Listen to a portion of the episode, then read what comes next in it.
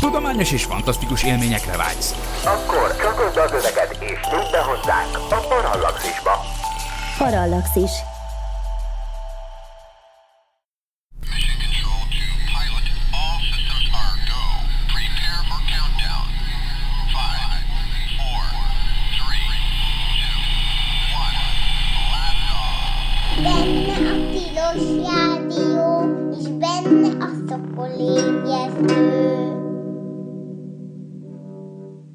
Reggelt kívánok! Ez itt valóban a Tilos Rádió a 90,3 MHz-es frekvencia modulált, vagyis FM sávon, illetve a tilos.hu-n, és ez pedig benne a, valóban a szokolébresztő,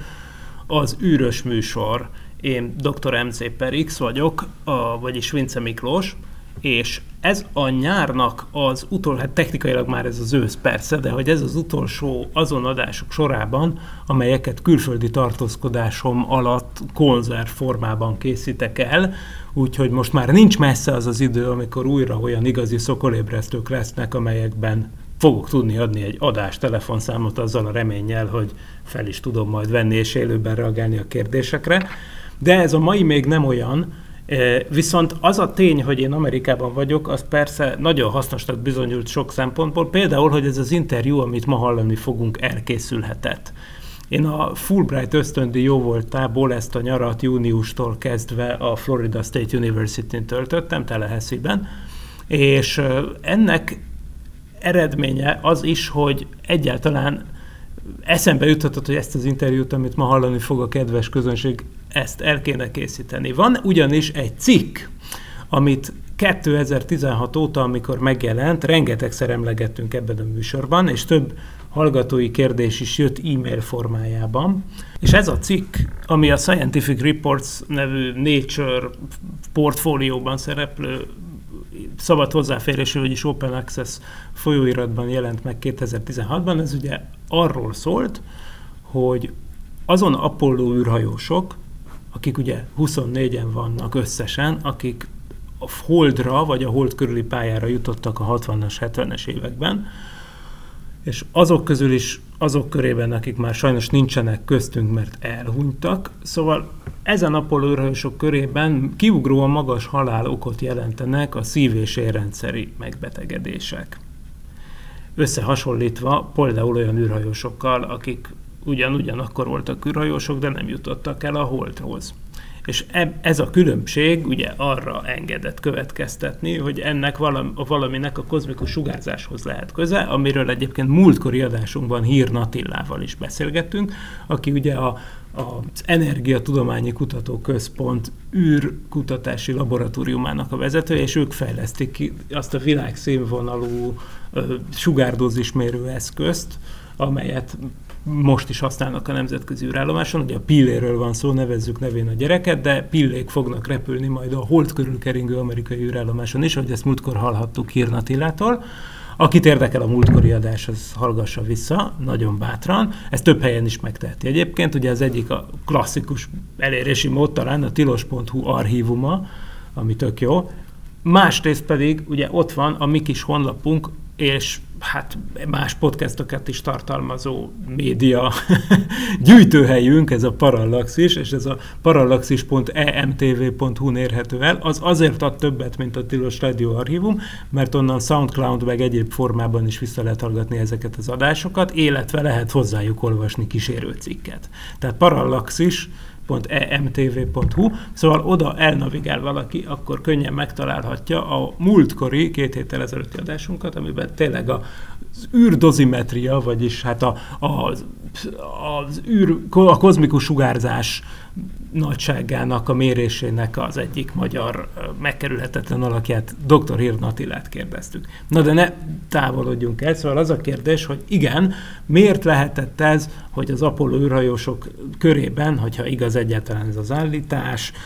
ilyen nagy arányban voltak ilyen megbetegedések, illetve hogy miért nem voltak ilyenek az alacsony földkörüli pályán keringők esetében. Persze utóbbira nyilvánvalóan az a válasz, hogy az utóbbiakat az alacsony föld körüli pályán keringőket védi a Földnek a mágneses tere, ami egy védő burkolatként borul tulajdonképpen fölénk, illetve még azok fölé is, akik mondjuk 400 km magasan, tehát a nemzetközi űrállomás pálya magasságában keringenek. Viszont ugye az ennél nagyságrendileg ezerszer messzebb lévő hold esetében természetesen már nincs ilyen védelem. Na most nyilván ezt nagyon fontos lenne tudni hogy ez hogy is működik. Michael Delpel azt beszéltük meg, aki egyébként uh, itt dolgozik a Floridai Egyetemen, és hát akkor innen jött az ötlet, hogy ha már én is itt vagyok, és aztán rájöttem, hogy ha akinek ezt a cikkét idéztük, Michael Delpet, aki az első szerzője volt ennek a 2016-os cikknek, hogy ő, rájöttem, hogy ő is itt van. Ő ugyanis nem, nem volt nehéz őt észrevenni egyébként, mert ő itt egy dékán, egy egyébként éppen leköszönő dékán, az, a, az egészségügyi és e, humán biológiai e, tanszék, vagyis karnak a dékánja, e, és e, most éppen le fog köszönni, elmegy egy évre Montanába szabatikára, és utána pedig teljes egészében még visszajön ide, de azt már a kutatásának akarja szentelni a teljes maradék aktív idejét Michael Delp. Látjuk majd, hogy nagyon érdekes fickóról van szó, és erről a tanulmányról, meg a jövőbeli terveiről fogom elsősorban kérdezni. Amit egyébként akkor mondott el, ami óriási sztori, amikor sajnos már kikapcsoltam a felvételt, az azért még ide kívánkozik, tehát hogy ő hogyan vonódott be már a nevezetes tanulmánya előtt az űrprogramokba, és milyen az ő viszonya tulajdonképpen a NASA űrprogramjaival, hát amit ő úgy jellemezett, hogy egy ilyen szeretve, gyűlölt, gyűlölve szeretett viszony, és mindjárt meg is értjük, hogy miért. Tehát az elősz, első alkalom, amikor ő, ő ilyen rákcsálókkal kapcsolatos fedélzeti kutatásra adott be egy pályázatot, az 1999-ben volt, akkor a NASA meghirdette, hogy lesz egy ilyen kizárólag tisztán tudományos célú űrrepülés, egy űrrepülőgépen, ami tehát nem műholdakat fog pályára állítani, nem a nemzetközi űrállomáshoz fog valami szállítmányt vinni, nem is fog összekapcsolódni a nemzetközi űrállomással, hanem az utolsó lesz talán, mondták akkor, azon repülések sorában, amelyek a Space Hub és Space Lab modulokkal felszerelkezve vágnak neki. Itt, bocsánat, ez a Space Hub volt, a Space Lab akkor már nyugdíjba ment, de mind a két dolognak az a lényege, hogy az űrrepülőgép rakterébe egy laboratóriumot szerelnek föl, és az űrrepülőgép kering a föld körüli pályán két hétig, és akkor lehet kísérleteket végezni a fedélzetén. Ezek egyike volt az, hogy lehetség, lehetőség nyílik majd rákcsálók tanulmányozására orvosbiológiai kísérletekre, lehetett jelentkezni, hogy ki milyen kísérlet ötleteket javasol. Óriási érdeklődés volt, és a világ minden tájáról jelentkeztek, tehát nem csak Amerikából, hanem ugyanez a pályázatot kiírták az európai és a japán űrügynökségek is ugyanerre a repülésre, és aztán mentek a, a meghallgatások, pályázatokat kellett beküldeni, előadásokat kellett tartani, aztán végül kiválasztottak két kutatást, és ezek egyike volt Michael Delp. Tehát 1999-ben megszületett a döntés, hogy ezen a repülésen Michael Delp kísérlete repülni fog. Na most ez úgy néz ki, hogy persze a rákcsálókat kiteszik mindenféle hatásnak, amit éppen vizsgálni akartak, most ebben ne is menjünk bele, hogy ez mi volt ebben a projektben, és akkor utána közvetlenül a földet érés után a rákcsálókat megvizsgálják, alaposan felboncolják, amelyeket fel kell boncolni, félreteszik későbbi elemzésekre, akikkel követéses vizsgálatokat terveztek, stb. annak rendje és módja szerint. Tehát ez így történik. És tehát Michael Delp és egy másik csapat nyerte meg, összesen ketten ezt a grantet. És ennek megfelelően el is kezdték a kísérlet tervezését és kifejlesztését. Ám ahogy ez lenni szokott az űrprogramban, ugye csúszott, csúszogatott a dolog, egészen konkrétan már négy éve halasztgatták a repülést, ennek elsősorban éppen az volt az oka, hogy ez nem egy olyan sürgős repülés volt olyan értelemben, hogy nem a nemzetközi űrállomásra kellett, mit tudom én, vizet fölvinni, vagy egy új modult, tehát igazából minden más repülés előnyt élvezett ehhez képest, de végül aztán 2003 elején sor került a startra és hát ott is volt a Kennedy űrközpontban Michael Delp és a családja, meg is nézték a startot, És aztán a repülés végén pedig ott voltak előkészülve, hogy várják az űrrepülőgép visszatérését. Ez pedig úgy történt, hogy persze ott már rögtön a kifutópálya végénél, ahova az űrrepülőgép megérkezik, konténerekben előkészítve, Delp és a csapata ott várakozott, hogy azonnal, ahogy leért az űrrepülőgép, ők hozzájuthassanak a patkányokhoz, és elkezdhessék a vizsgálataikat, hiszen voltak olyan vizsgálatokat, amik, amiket azonnal a leszállás után el kellett végezni, ugye ez volt a kutatásnak az egyik fontos része. És hát emiatt aztán persze a helyszínre kellett vinni a poszdokokat, meg a kutatásban résztvevő többi embert, és ráadásul két csapatot alakítottak, hogy ők majd váltásokban dolgoznak, hogy este leérkezik az űr, vagy délután leérkezik az űrrepülőgép, és akkor elkezdi a boncolást az egyik csapat, meg a kiértékelést, aztán utána jön a másik csapat, aki addig pihent, és akkor így váltásokban gyorsan megcsinálják az repülés utáni analízisnek ezeket a részeit. Tehát nagyon készültek, tűkön ülve várták, hogy megérkezzen az űrrepülőgép, ment is a nagy visszaszámláló, ami azt mutatja, hogy várhatóan mennyi idő múlva érkezik le az űrrepülőgép, és aztán az a visszaszámláló leketyeget nullára, de nem történt semmi, és az űrrepülőgép sohasem érkezett meg. Ez volt ugye a Kolumbia űrrepülőgépnek a tragédiája 2003. február 1-én, hogy a légkörbe belépve darabjaira szakadt és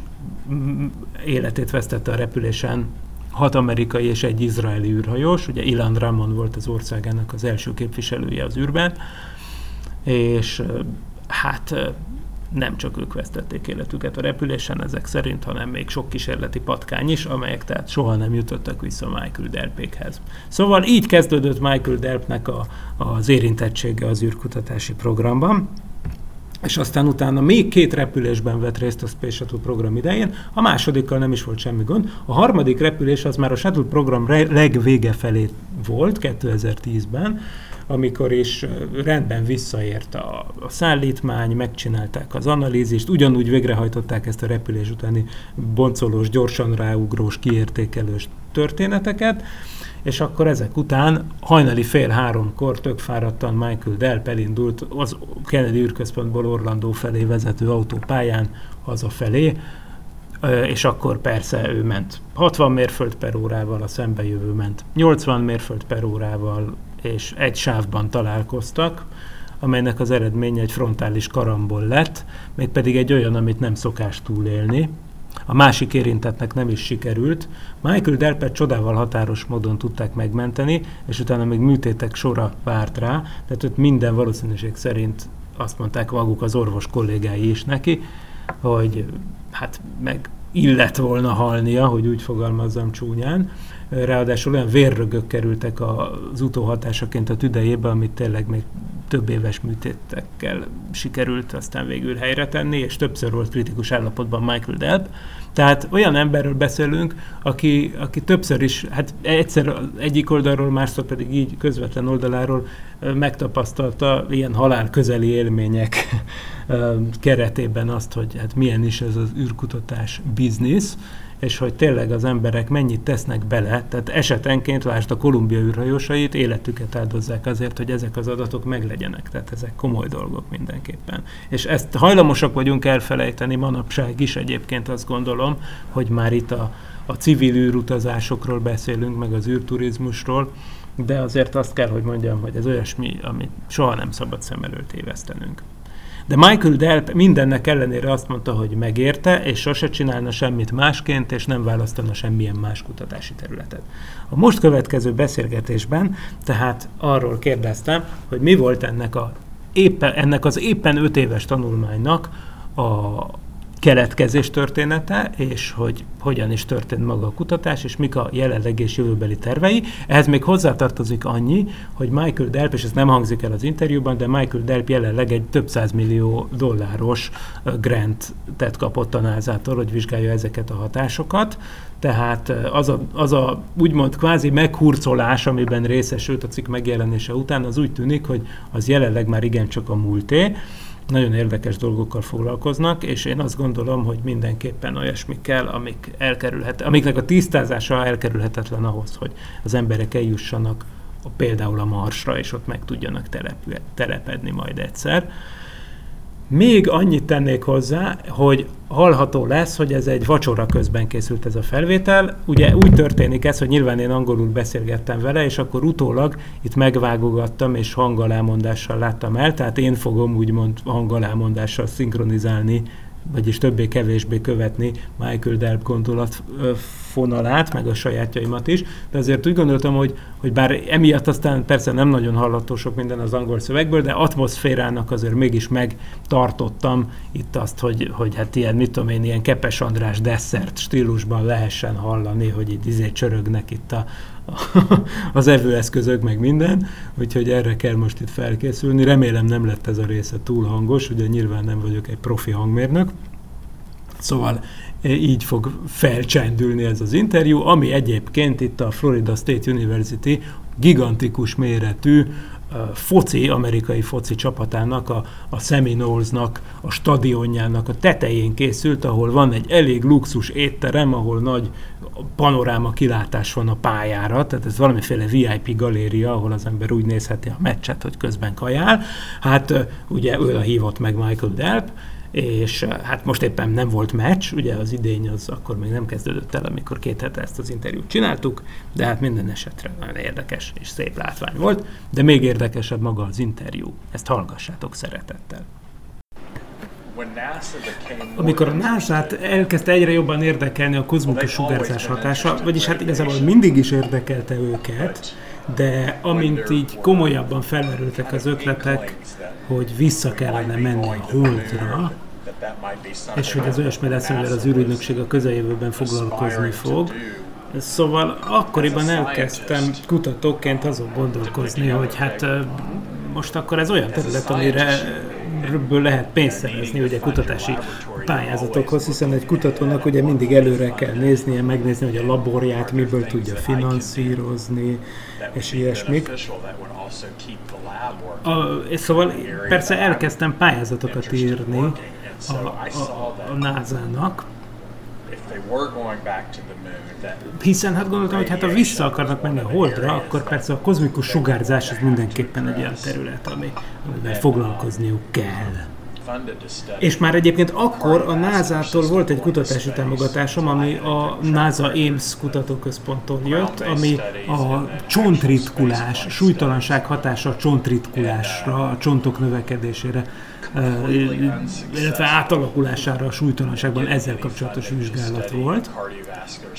De érdekes módon a szív- és érrendszeri kardiovaszkuláris témára nagyon nehéz volt uh, támogatást szerezni. Tehát az Ames Research Centerben től kaptam a támogatást, és ott, a, ott a, arra is kíváncsiak voltak, hogy a sugárzás hogyan befolyásolja a csontokat. De nem a, de nem a szív- és érrendszeri De minden esetre így volt tőlük kutatási pénz egy másik pályázaton és ők ott csinálták, és csináltuk velük együtt a Brookhaven Nemzeti Laborban ezt a kutatást, ami, ami az egyetlen olyan hely az Egyesült Államokban, ahol nehézion nyalábokkal lehet biológiai kísérleteket csinálni. Konkrétan rákcsálókat lehetett kitenni ennek a nehéz sugárzásnak, ami olyan, mint a kozmikus sugárzás. És persze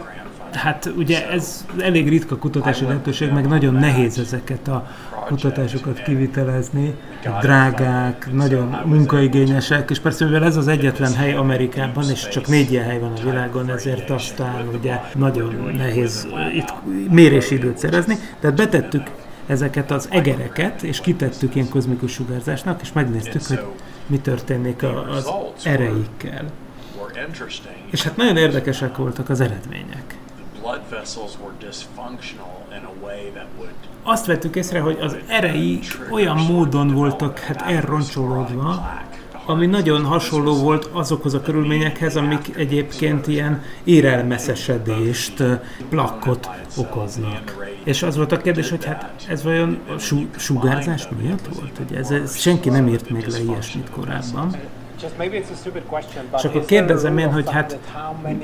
hogy vajon hogy kell átszámolni a, a, az egér éveket ember évekbe, amikor összehasonlítjuk. Azt mondja, hogy hát persze van egy ilyen szabály, de azt majd mindjárt elmondja, hogy itt a kutatást a, mi rögtön azután csinálták, miután kitették egy, egy rövidebb idős besugárzásnak, és utána megvizsgálták ezeket a hatásokat közvetlenül utána, és akkor normális életkörülmények között tették ezeket az egereket,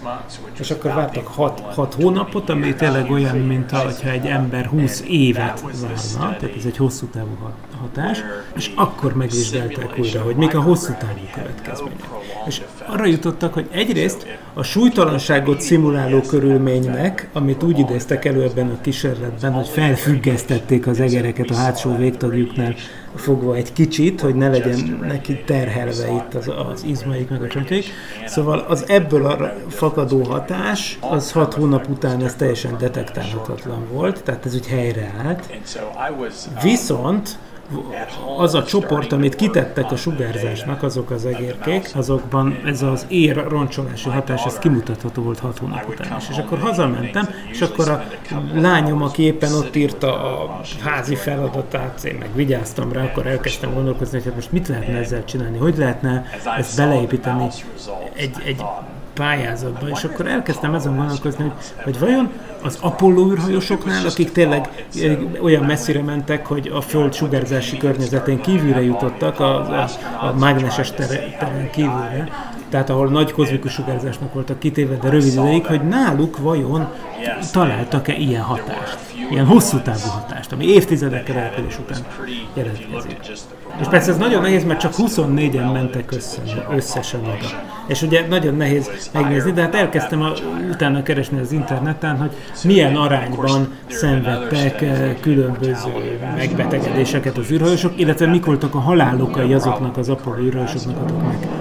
akik meghaltak. És akkor ugye észrevettem, hogy egy kicsit, mint a tényleg többen, többen lettek volna olyanok, akik ilyen szív- és érrendszeri betegségekben haltak meg, de hát az a probléma, hogy mivel hasonlítod össze az űrhajósokat. Hiszen ugye vizsgálták már ezt korábban is, hogy az űrhajósok körében mik a halálokok, más kutatások is, de nem nagyon tudták megtalálni a megfelelő kontrollcsoportot. Tehát ők mindig a, az általános populációval hasonlították össze, tehát az űrhajósok persze nem összehasonlíthatók, mert ők ilyen szuperemberek, akiket mindenféle bonyolult orvosi válogatás eredményeként választottak ki. Tehát elég furcsa lenne őket az általános, mondjuk amerikai férfi populációval összevetni, és akkor azon gondolkozom, hogy mi lehetne akkor a megfelelő kontrollcsoport. Tehát mivel lehetne őket összevetni, hogy itt szignifikáns vagy értelmes eredményeket kapjunk egyáltalán.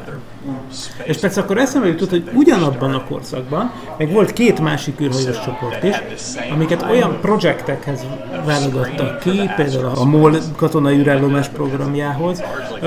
akiket ugyanazon egészségügyi kritériumok alapján válogattak ki, de aztán végül nem jutottak el a világűrbe, mert megszűntek a projektjeik. De ugyanúgy, ugyanolyan emberek, ugyanolyan egészségügyi kritériumoknak feleltek meg. És persze olyanok is voltak, akik ugye keresztül mentek ezeken a projekten, és be, bekerültek mondjuk a NASA űrprogramjába, de aztán végül valami miatt ugye kiszálltak a kutatócsoportból, ilyenek is voltak. Meg olyanok is, akik ugyan bekerültek a NASA csoportjába, de nem, a, nem jutottak el a Holdra, hanem csak föld repüléseket. És akkor elkezdtem megnézni, hogy ezekkel a csoportokkal összehasonlítjuk, ugye ugyanolyan oktatási háttérrel, ugyanolyan egészségügyi eh, háttérrel rendelkező csoportokból összevetve. És persze így is nagyon kevés, nagyon-nagyon-nagyon kevés a minta, ugye. Összesen 24 ember jutott alacsony földkörüli pályánál messzebb, tehát a holdra vagy a hold körüli pályára. Tehát nehéz ezt statisztikailag megoldani, de persze egyáltalán nem lehetetlen, különösen, hogyha az ember az arányokat nézi. Ez a Fisher Exact próba, ami, amit erre lehet használni, és akkor ezt használtuk, és akkor, mint én ezek, ezt használtam az ilyen előzetes elemzésekhez, az interneten talált halálozási információk alapján, újsághírekből, meg ilyenekből dolgozva, akkor az látszott, hogy habár az űrhajósok csak egy icipicit haltak többen meg szív- és érrendszeri betegségben, mint az általános populi- populáció, de hogyha összehasonlítjuk a nem holdi űrhajósokat a holdi űrhajósokkal, akkor azt találjuk, hogy szignifikánsan, brutálisan nagyobb arányban halnak meg, haltak meg ilyenben azok, akik, akik jártak a holdnál. Na most akkor, amikor jelentkeztem ez ügyben a Houstoni Johnson űrközponthoz, hogy hogy, hogy hát jobb adatok kellenének, mert hát eddig ugye újságcikkekből, gyászjelentésekből és ilyenekből dolgoztunk, de hogy jó lenne megszerezni a, a halotti anyakönyvi kivonatot, meg a ilyen orvosi zárójelentéseket, és, és a Johnson űrközpont ebben segítőkésznek bizonyult, és egyébként elkezdtük gyűjteni ezeket a dolgokat, és egyébként voltak korábbi tan- tanulmányok is ez ügyben, de nagyon érdekes, és, és hát furcsa, számomra teljesen hihetetlen volt, hogy, hogy az Apollo űrhajósokat korábban ilyen tekintetben egyszerre vizsgálták a Mercury és a Gemini űrhajósokkal, tehát nem különítették el azokat az űrhajósokat a korábbi vizsgálatokban, akik elmentek a Holdhoz, azoktól, akik a Föld körüli pályán repültek csak. Ami egy furcsa dolog volt, hogy ez így senkinek nem jutott korábban eszébe. És akkor végül sikerült beszerezni ezeket a, a hitelesített eh, halotti bizonyítványokat, és uh, volt, amit ugye a, a, a kontrollcsoporttól nehezebb volt begyűjteni, mert ott a légierőhöz kellett menni. Ugye még egyszer ugye a kontrollcsoport az többek közt olyan űrhajósokat tartalmazott, akiket nem a NASA-hoz válogattak ki akkor, vagy ugye félbehagyták az űrhajós képzést. Nehéz volt utána menni, de majdnem az összes emberről sikerült találni ilyen hiteles forrást. Na és akkor ez volt az érdekes, hogy a NASA-n belül ugye két csoport volt. Az, az egyik ez a Johnson űrközpontbeli Houstoni csapat, akik nagyon segítőkészek voltak, és aztán ott volt ez a híres professzor által vezetett uh, űrorvostani sugárzási csoport a NASA-n belül, akik vehemensen ellenezték ezt az egészet. Ugye miattuk nem kaphattunk egyébként pályázatot erre a témára, mert azt mondták, hogy, hogy, hogy hát igazából a rák a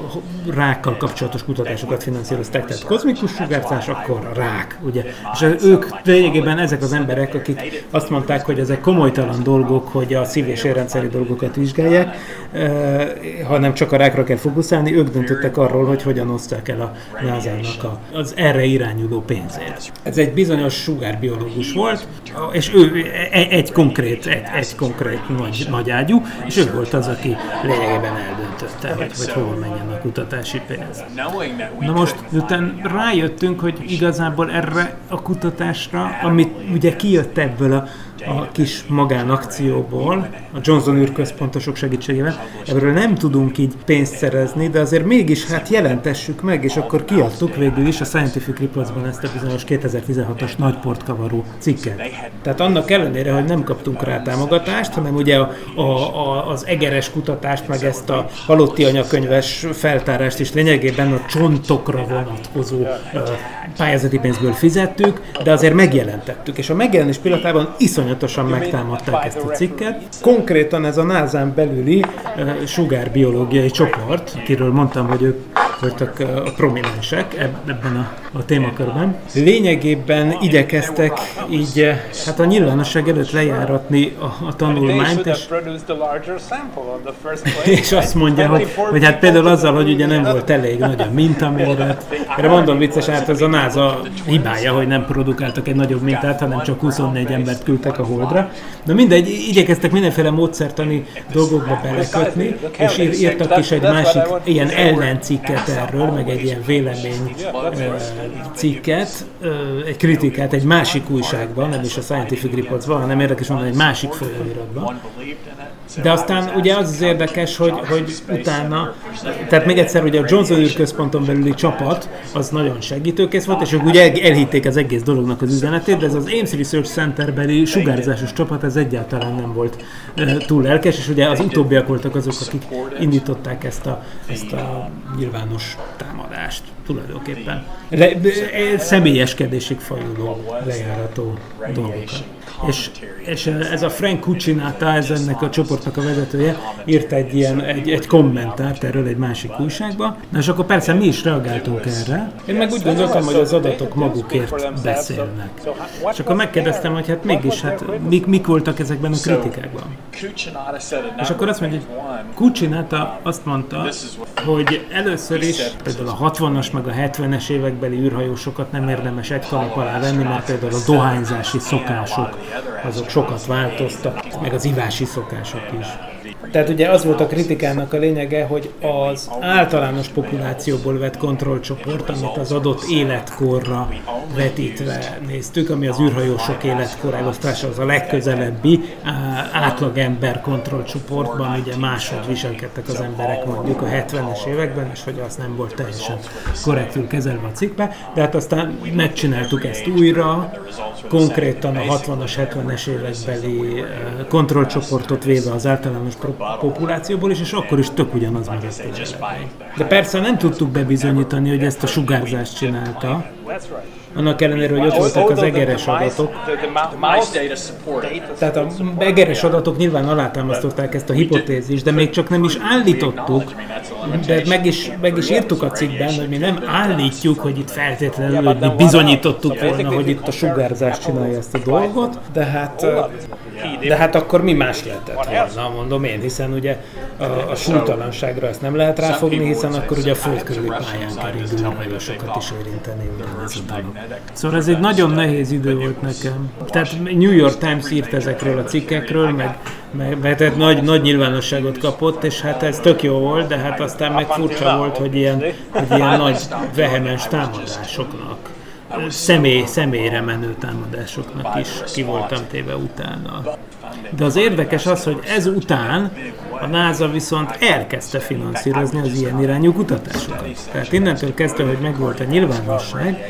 hirtelen úgy tűnt, hogy a NASA érdeklődni kezdett mégis a szív- és érrendszeri megbetegedések és a sugárzás kapcsolatai iránt. És mondom én, hogy persze, hát mert a NASA ugye ez kormányhivatal, és hogy mennyire gáz lenne, hogyha mondjuk 30 év múlva eljutnának az emberek a Marsra, vagy ilyesmi, és akkor kiderülne, hogy ez tényleg egy hatás, és akkor mondaná valaki, hogy Floridában itt volt ez a csávó, aki, aki figyelmeztetett titeket, mit tudom én, 11 néhány évvel ezelőtt, és nem tettetek ellene semmit.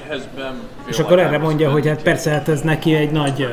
megelégedés volt, amikor ezek után végre egy ilyen módon tulajdonképpen indirekt a NASA elismerte, hogy ez egy fontos témakör.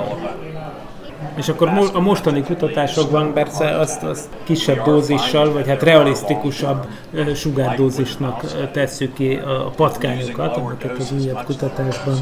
használunk, és viszont sokkal részletesebb elemzésnek vetjük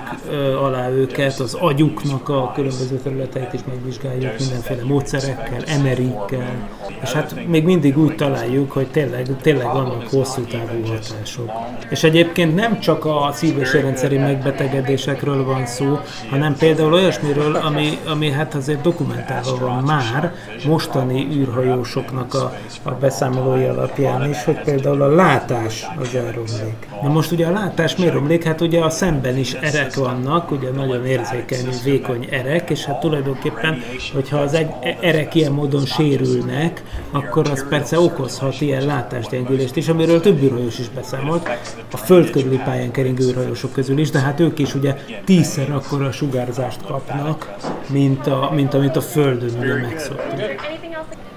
Ráadásul nem olyan rég, az is volt, hogy vérrögöt találtak a, ugye a súlytalanságban a hatására az űrhajós van, és hát ez is több, több esetben is előfordult, úgyhogy még az is lehet, hogy ez egy ilyen súlytalansági hatás. De ugye ez mind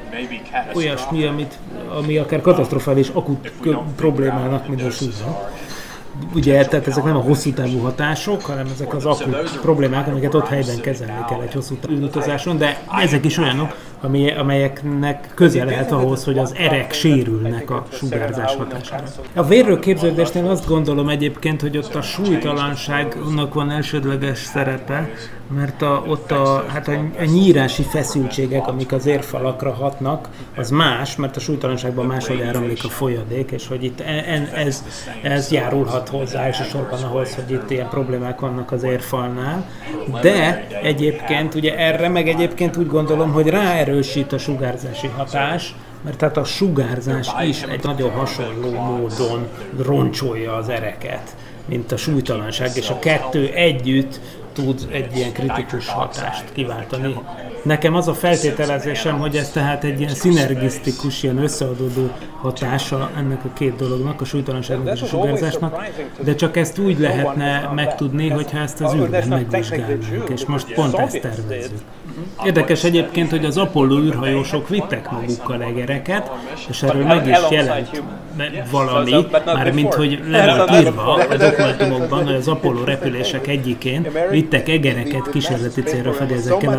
a fedélzetre az emberekkel együtt, de érdekes módon ebből nem publikáltak semmit, és, és nem is lehet tudni, mit, mi történt ezekkel az egérkísérletekkel. Meg azt mondom, hogy milyen érdekes, hogy egyébként az Apollo program idején egyáltalán nem merült föl, hogy az emberek előtt oda küldjenek vala, valamit a hold köré, hogy megnézzék, hogy mondjuk egy gerinces állat az hogy éli túl ezt a sugárzási környezetet. Érdekes, hogy ez a nagy sietségben az űrverseny környékén föl sem merült. A szovjetekben felmerült, ugye, mert ők teknős békákkal megkerültették a holdat 1968. szeptemberében, tehát az amerikaiaknak ez nem volt semmi közük. És azt mondja Michael Delp, hogy a, a, az Apollo program lezárásakor kiadott Medical Results uh, of the Apollo Program uh, című összefoglaló műben, amiben az Apollo program orvosbiológiai eredményeit részletezték, abban elismerték, hogy a, súlyt, a sugárzásnak lehet ilyen hosszú távú sikerűsítő hatása, de arra következtettek végül is abban a cikkben, hogy ahhoz több hónapos esetleg éves kitettségre van szükség, és, és arra konkludáltak, hogy hosszú távú hatás nem tapasztalható. És akkor megkérdeztem, hogy mi a helyzet azzal a hat űrhajóssal, aki azóta halt meg, Apollo űrhajósok, akik eljutottak a Holdhoz, a, akik azóta haltak meg, hogy ugye ez öt éve megjelent ez a Scientific Reports publikáció. Azt mondja, hogy hát ezt a kutatást majd valaki másnak kell szerintem megcsinálni, gondolkozott rajta, de azt mondja, hogy hát majd igazából talán később érdemes meg erre jobban visszatérni, hiszen még tizen még mindig élnek, tehát azért ugye a 24-ből még 10 élnek azok közül, akik eljutottak a holdhoz. Érdekes lesz majd ennek később részletesebben utána. Mondom, hogy hát érdekes lenne egyébként az űrhajósokkal személyes kommunikáció útján is végigmenni az ő kortörténetükön, mert hát ugye most ez a kutatás, az öt évvel ezelőtti kutatás csak a halálokokat vizsgálta, de hát nem ment bele abba, hogy egyébként milyen kortörténetük volt az űrhajósoknak. Kérdeztem, hogy ilyet nem terveztek-e? És azt mondja Michael, hogy hát igen, amikor ugye a Johnson űrközpontosokkal együtt dolgoztunk ennek a kutatásnak az előkészítésében, akkor voltak ilyen terveink, hogy ennek, ennek így utána megyünk, pont így, ahogy mondod, hogy, hogy lekérjük, jobban elmerülünk az űrhajósoknak a a kor történetében, és megszerezzük ezeket a dokumentumokat a, a Johnson űrközpont archivátorainak segítségével, és ezzel egy sokkal részletesebb elemzés vált volna lehetségessé. De persze ne, akkor, amikor ezt tervezgettük velük, akkor egyáltalán nem számoltunk arra, a, hát, hogy mondjam, csak elsöprő reakcióra, amit ugye a másik a kritikus csoportból kiváltott a cikk megjelenése. És hát akkor ugye elnapoltuk ezt a dolgot, mert akkor a Johnson űrközpontosok sem mutatkoztak onnantól kezdve hirtelen annyira hajlandónak, hogy ebbe így belemerüljenek. De hát most úgy gondoljuk, hogy talán 4-5 év múlva majd ezt érdemes lenne ezt a kérdést újra elővenni már is részletesebben belemerülni. Kérdezem, hogy mi történt azzal a nagyágyúval, aki annak idején ugye keresztbe tett a pályázatoknak, meg aki írta ezt a kritikus cikket is hogy mi, mit lehet róla tudni, hogy hogy lehet, hogy most a Michael Delpék nyertek a NASA-tól egy nagy pályázatot, és akkor azt mondja, hogy hát, azt mondja, hogy nincsenek közvetlen információim, de hát úgy hallottam, hogy eltávolították a,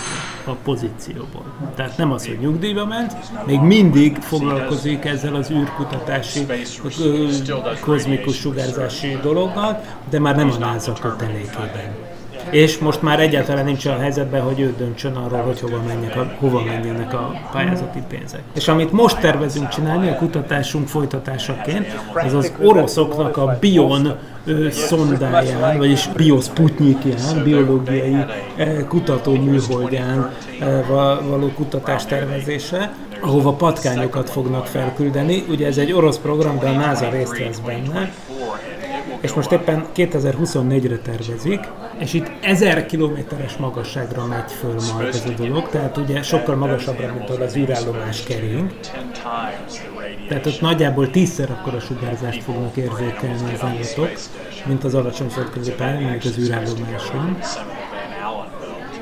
És egyébként hát ugye a Van Allen öv belsejében fognak lényegében repülni, ahol ugye a Föld környezetében a legnagyobb a sugárzás. Tehát ez lényegében ugyanolyan majdnem, vagy hát hasonló, mint a, amikor a mély űrbeli sugárzásnak teszünk ki valamit. Tehát ez a legközelebbi dolog a holdutazáshoz, amit most jelenleg így tudunk csinálni előtt kísérletekkel.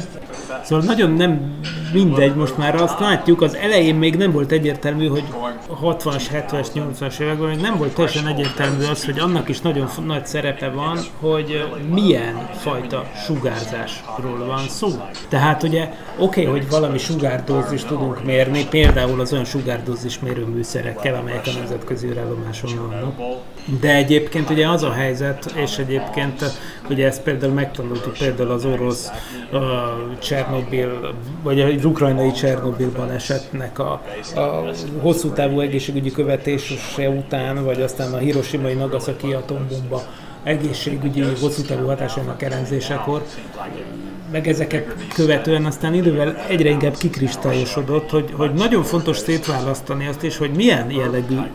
nukleáris sugárzás van. Tehát nem csak a, a dózis érdekes, hanem az is, hogy most ez melyik fajta sugárzás. Az ugye a gamma sugárzás, alfa sugárzás, stb. milyen részecske sugárzások. Tehát ugye egyáltalán nem mindegy. Tehát nem csak az számít, hogy mennyi sugárzás érkezik, hanem az is, hogy az milyen, és hát ugye a kozmikus sugárzás összetétele az nyilván teljesen más milyen, mint a földi háttérsugárzás összetétele itt a légkörön belül.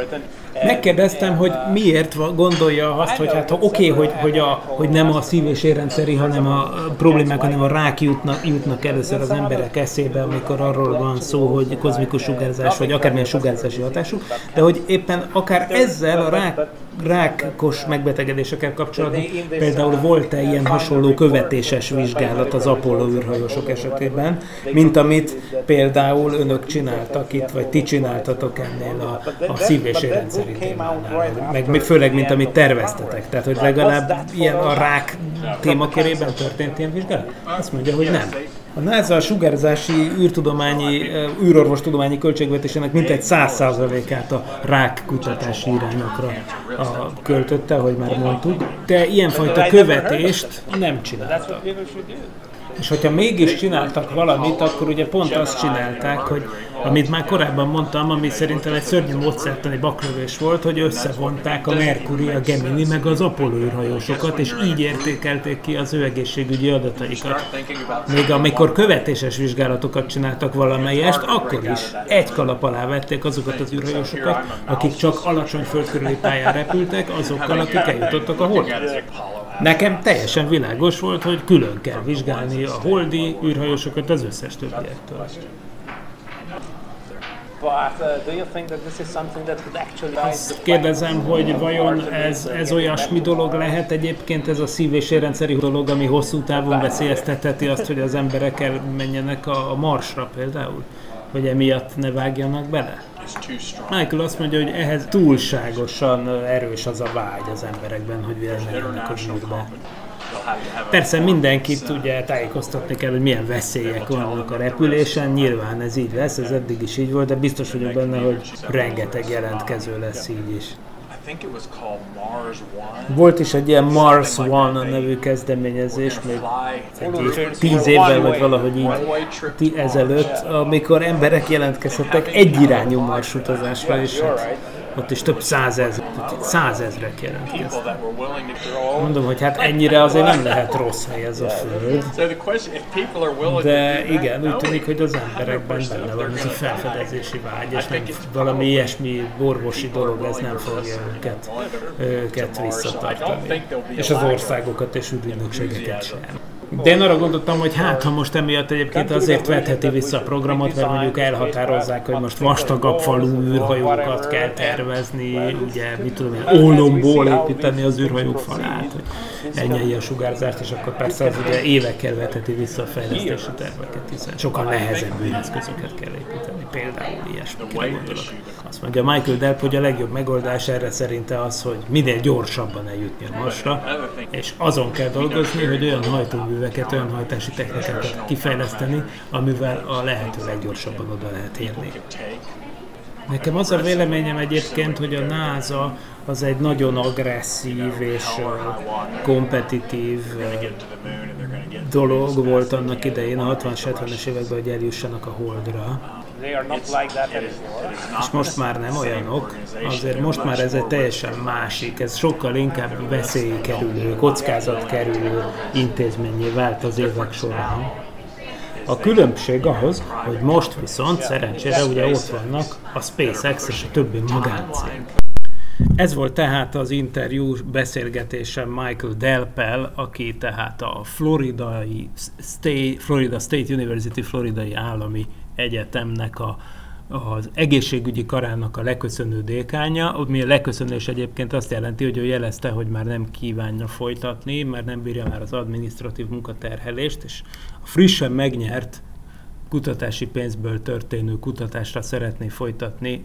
vagyis azzal szeretné tölteni a hátralévő idejét a nyugdíjazásig, tehát ő kérte a felmentését a dékánság alól, de ugye ez úgy történik, hogy persze meg kell keresni az utódját, tehát az, hogy ő ezt aláírta, egyébként éppen egy órával az előtt, aznap írta alá, hogy csináltuk az interjút, és akkor ezt követően találkoztunk ott megvacsorázni, úgymond megünnepelni azt, hogy aláírta, hogy ő már nem lesz dékán, de ez nem azt jelenti, hogy azonnal felszabadul a munkaterhelés alól, persze, hiszen igazából még egy évig el kell látni ezt a feladatot, ennyi, úgymond, hát felmondási idő illik itt egy ilyen fontos pozícióhoz, mint a dékán. Na, de hát, mint mondtuk, azt az egy évet ő egyébként nem is Floridában fogja eltölteni, ez a trükk, hanem pont elmegy Montanába, az ottani egyetemre eh, a következő egy évre egy ilyen látogató kutatást, ugye sabbatical. Ugye a sabbatical az olyan, ami elvileg 7 évente jár egy amerikai professzornak, hogy elmehet más helyekre egy évet, egy szemesztert, vagy két szemesztert eltölteni. Na, szóval, hát ő volt Michael Delp, igazából egy nagyon érdekes fickó ö, körvonalazódott ebből a beszélgetésből, és hát az látszik, hogy, hogy bizony milyen érdekes, hogy a tudományban is igen gyakran előfordul az, hogy van néhány nagyon prominens személyiség, akinek van egy nagyon határozott elképzelése arról, hogy mi hülyeség, és mi az, ami nem hülyeség, hogy mire nem kell, és mire kötelező költeni a pénzt, és ilyen módon ugye egy-két embernek lehet akkora impaktja, hogy évekig tulajdonképpen valamiféle underground létezésbe e, taszította le ezt az egész szív- és érrendszeri kutatást, ez a bizonyos Kucsunáta professzor, aki többször, aki hát a nemezise tulajdonképpen Michael Delpnek, ahogy ez ebből az interjúból nyilvánvaló. Persze nekem itt hozzáértési hiány nyilvánvaló, hogy nem tisztem itt bármilyen módon igazságot tenni egy ilyen űrorvos biológiai kérdésben, de az nyilvánvaló, hogy természetesen a dolog mindenképp megérdemelné némi további vizsgálódást. És persze természetesen egyet kell, hogy értsen mindenki, és Michael Delp maga is egyetért azokkal a kritikákkal, hogy hát nem valami nagy minta ez, hogy az Apollo űrhajósok hányan és miben haltak meg, és jó kérdés, hogy mennyire reprezentálja a valóságot, de hát épp ezért kell vizsgálni, és hát persze az meg egy ilyen furcsa körülmény, hogy hát ennyi embert sikerült eljuttatni a Holdra. Ez van, ezzel kell főznünk. És hogyha már az Apollo programról és Apollo űrhajósokról beszélünk, már pedig róluk beszélünk, akkor hagy, hadd ajánljam a, a, az emlegetett parallik, parallaxis felületünkön ugye múlt héten megjelent interjút, ami a Parallaxis Podcast 51. adása, az új évad első laká- adása, és ebben az adásban beszélgettem egy jót, nem mással, ugye, mint Russell Schweigártal, aki egy Apollo űrhajós, aki az Apollo 9-en repült, és azóta sem tétlenkedett, tehát ne, azon kívül, hogy 1969-ben valóban ő lett az, a világ első holdkomp pilótája, hiszen az Apollo 9 volt az a repülés, ahol először repült a teljes Apollo űrhajó rendszer, Saturn 5 rakéta, Apollo parancsnoki egység, műszaki egység és a Holdkomp, tehát ez volt a Holdkompnak az első repülése, földkörüli pályán végzett tesztrepülés volt, de hát hajmeresztő repülés volt rengeteg újdonsággal, és tökéletes sikerrel végződött. Erről is beszélgettem Raszt és Fejkártal, mindenkinek nagyon ajánlom, hogy hallgassa meg, sőt nézze meg, mert videó formában is megnézhető. Ugye mindenhez, minden felületünkhöz el lehet jutni az emlegetett parallaxis.emtv.hu keresztül, és egyébként ugye Raszt és Fejkártal nem csak arról beszélgettem ott, hogy mi volt a 52 éve az Apollo 9-en, hanem arról is, hogy mit csinált azóta, persze annak is csak egy töredékéről, mert hát ő aztán egy igazi polihisztor, de többek között azzal foglalkozott, hogy, a, hogy egy javaslatot terjeszem be űrhajós kollégáival együtt az ENSZ elé, ami pontosan azzal kapcsolatos, hogy egy aszteroida eltérítést egy földet fenyegető kisbolygó eltérítését hogyan kellene nemzetközileg koordinálni. Ugye kiderül, amiben az ember nem annyira gondol bele, én legalábbis mindeddig nem nagyon morfondíroztam ezen az aspektuson, hogy hát azért ez egy nagyon komoly geopolitikai kérdés. Egyrészt, hogy kifizesse azt a cechet, amiben az emberiség megmentése kerül, de ennél sokkal fontosabb kérdés, hogy még nyilván egy ország, vagy az országok egy kicsi csoportja fogja végrehajtani ezt az eltérítést, de ennél sokkal fontosabb kérdés, és ez már igazából morális és szervezési kérdés is, hogy miközben az eltérítés zajlik, lesznek olyan időszakok, átmeneti szakaszok, amikor bizonyos országokban becsökken a becsapódás valószínűsége, de más országokban pedig átmenetileg megnő.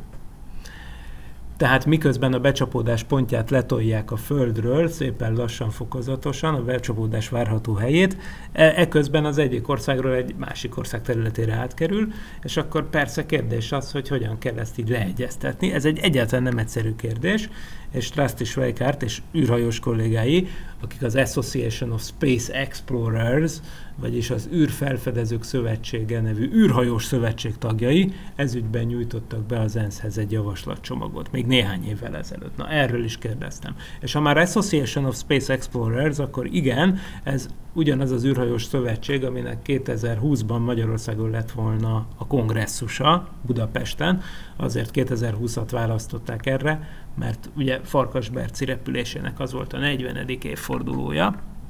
No de persze a Covid miatt elmaradt, viszont most jelen pillanatban úgy néz ki, hogy novemberben meg fog történni ez az űrhajós kongresszus Budapesten, persze majd alkalomattán arról is beszámolunk, ha tényleg megtörténik. De hát azért addig még sok víz fog lefolyni a Dunán, meg jön még egy újabb járványhullám, meg minden. Szóval mindenképpen érdemes azért erre figyelnünk. Tehát Rászt Schweikártal is beszélgetünk erről, és érdekes, hogy ő is, Michael Delpel azonos véleményem van azzal kapcsolatban, meg hát körülbelül mindannyiunkkal kapcsolatban szerintem, hogy itt az új előretörését az emberi űrtevékenységnek mindenképpen a SpaceX és a hasonló cégek jelentik, vagyis a magánszektor bevonulása az űr tevékenységbe, beleértve ide az emberek feljutatását is a világűrbe és természetesen ez a nyár is ennek jegyében zajlott, ugye több adásban foglalkoztunk a kérdéssel, és minden bizonyal még fogunk is. Viszont most a mostani adásnak az adás ideje lejárt, úgyhogy legközelebb két hét múlva találkozunk, de akkor már, hát ha csak nem hoznak be valami kötelező karantént, akkor én igyekszem már a stúdióból jelentkezni. Tehát ez lesz, ha jól számolom, szeptember 20-án, vagyis négy nappal azután, hogy hazaérek Budapestre. Nem tudom még mi lesz akkor, ugye sok minden fog még történni az űrkutatás, űrtevékenység területén, de megpróbálok azon a, abban az adásban is nem egyedül részt venni, hanem állandó szakértőink valamelyikét szeretném megszólaltatni. Már lehetőség szerint személyesen a stúdióban, de majd meglátjuk, hogy lesz és mit lesz. Addig is nézzétek a parallaxis.emtv.hu meg a hozzá kapcsolt Facebook oldalra feltöltögetett tartalmakat, például ennek az adásnak a kísérő cikkét majd csütörtökön és nagyon szépen köszönöm a figyelmet mindenkinek. Kérdéseket és megjegyzéseket továbbra is várunk, várok a sokolébresztőkukac.gmail.com e-mail címre, vagyis sokolebresztőkukac.gmail.com-ra, de most elbúcsúzom. Sziasztok!